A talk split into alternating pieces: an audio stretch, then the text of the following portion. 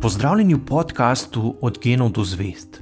Moje ime je Sašo Dolinc in pripovedoval vam bom zanimive zgodbe iz sveta znanosti.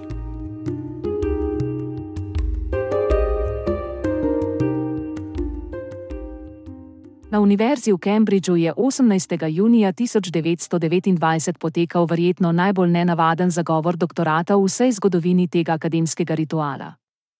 Kandidat za doktorski naziv je po začetni izmenjavi vljudnostnih fraz najprej odgovarjal na vprašanja komisije, po daljši intenzivni izmenjavi argumentov pa se je odločil, da ima vsega dovolj.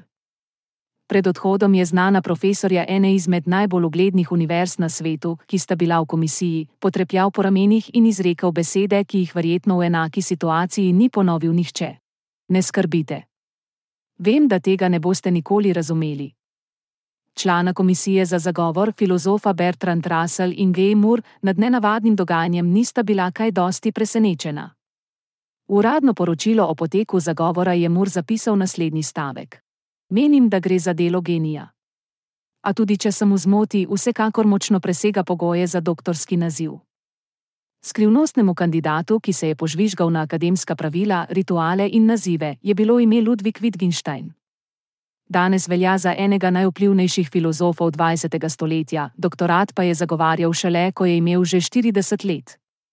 Slabo desetletje prej je objavil edino knjigo, ki je išla za časa njegovega življenja, in prav to delo je bilo predmet zagovora za pridobitev doktorskega naziva na univerzi v Cambridgeu. Ludwig Wittgenstein se je rodil leta 1889 kot najmlajši od otrok v številni in zelo bogati meščanski družini na Dunaju. Oče Karl je bil vplivan jeklarski magnat in eden najbogatejših evropejcev, ki ga je zelo zanimala umetnost.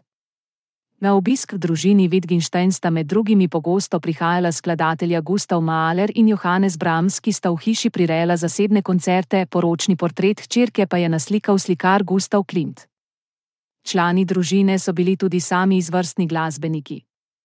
Oče je igral violino, mama Leopoldina je igrala klavir, med otroki pa je še posebej izstopal sin Paul, ki je postal izvrsten koncertni pianist.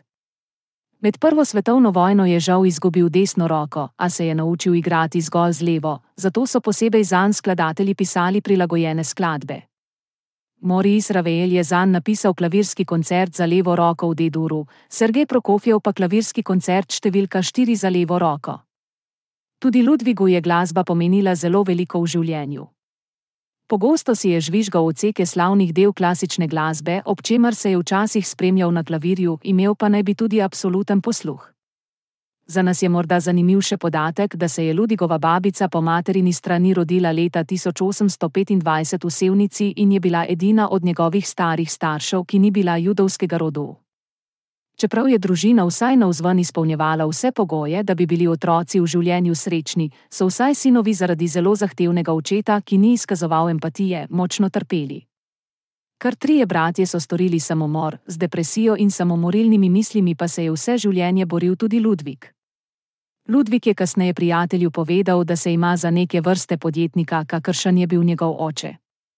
Izjavil je, da želi svojo filozofijo nekaj narediti oziroma nekaj doseči. Po pričevanju starejše sestre se je v mladosti navduševal nad tehniko in že pri desetih uspel narediti kopijo stroja za šivanje. Ker se je šolal doma, ga niso sprejeli na Dunajsko gimnazijo, zato je moral obiskovati provincialno šolo v Lincu. Nato je učil na Tehniško univerzo v Berlin, kjer je študiral za letalskega inženirja.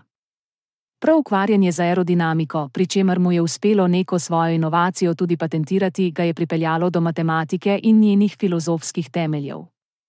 Razmišljanje o problemih, povezanih z osnovami matematike, ga je tako prevzelo, da je po posvetu z logikom Fregejem odšel v Anglijo k Bertrandu Raslu, ki je veljal za največjega strokovnjaka z tega področja.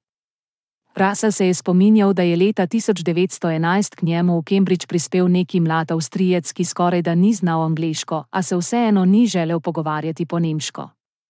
Sprva ni vedel, kaj naj si misli o prišleku, ki je začel neto poslušati njegova predavanja. A že ko je prebral prvo besedilo, ki ga je zanj napisal Wittgenstein, je bil prepričan, da ima opravka z genijem. Jeseni 1912 je Ludvik spoznal pravnika Davida Huma, s katerim sta se zbližala in odšla na potovanje na Norveško in Islandijo. Samota in mir ob norveškem fjordu sta mu dobro dela, se je lahko v stran od množic v miru razmišljal. Sčasoma si je na norveškem omislil tudi majhno hišo, kjer je v samoti preživel po več mesecev. Prav tam ga je med intenzivnim razmišljanjem dosegla novica, da se je začela Prva svetovna vojna. Takoj se je vrnil na Dunaj in se prijavil za vojaka. Bil je nenavadno navdušen nad odhodom na fronto in nasploh nad nevarnimi zadolžitvami.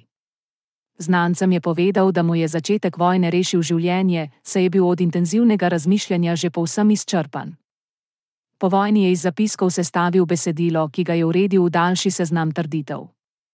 Bil je mnenja, da mu je končno uspelo razrešiti vprašanja, ki so ga mučila vrsto let. A trajalo je še dve leti, da je za knjigo, ki jo danes poznamo kot logično-filozofski traktat, našel založnika. Ko je končno išla, je bila ciljna publika, ki bi jo lahko razumela, zelo majhna, a knjiga je vseeno postala izjemno vplivna. Bertrand Russell je denimo izjavil, da se mu zdi knjiga imenitna, a žal ne zna presoditi, ali trditve v njej dejansko držijo.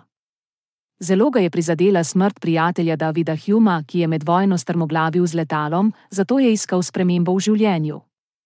Odločil se je, da dediščino po očetu prepiše na sestre, sam pa se zaposli kot vrtnar v samostanu blizu Dunaja.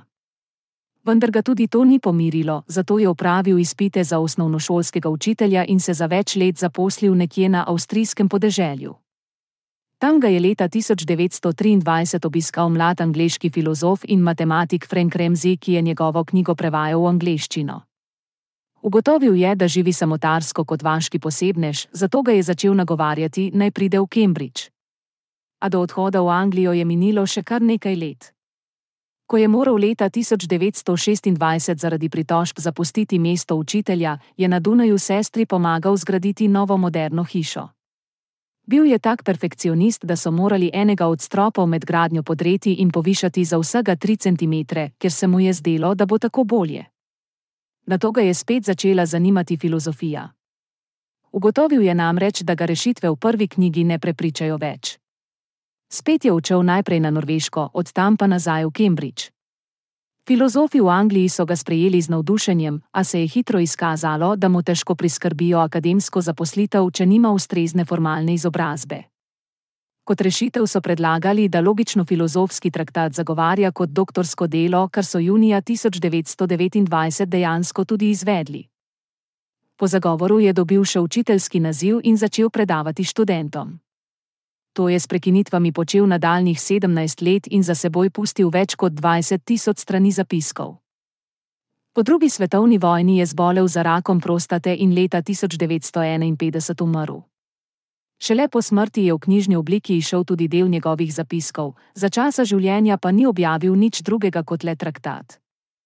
Za enega najpomembnejših filozofov 20. stoletja velja med drugim zato, ker je opozoril na velik pomen jezika pri reševanju filozofskih problemov.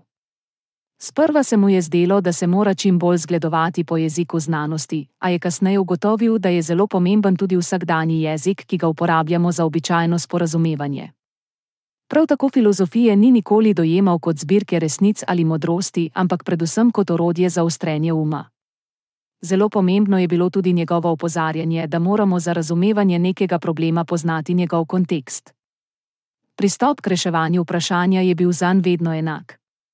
Najprej je treba proučiti kontekst, v katerem se problem pojavi. Besede imajo namreč pomen v odnosu do stavkov, stavki imajo smisel v sistemu jezika in jeziki so del človeških skupnosti.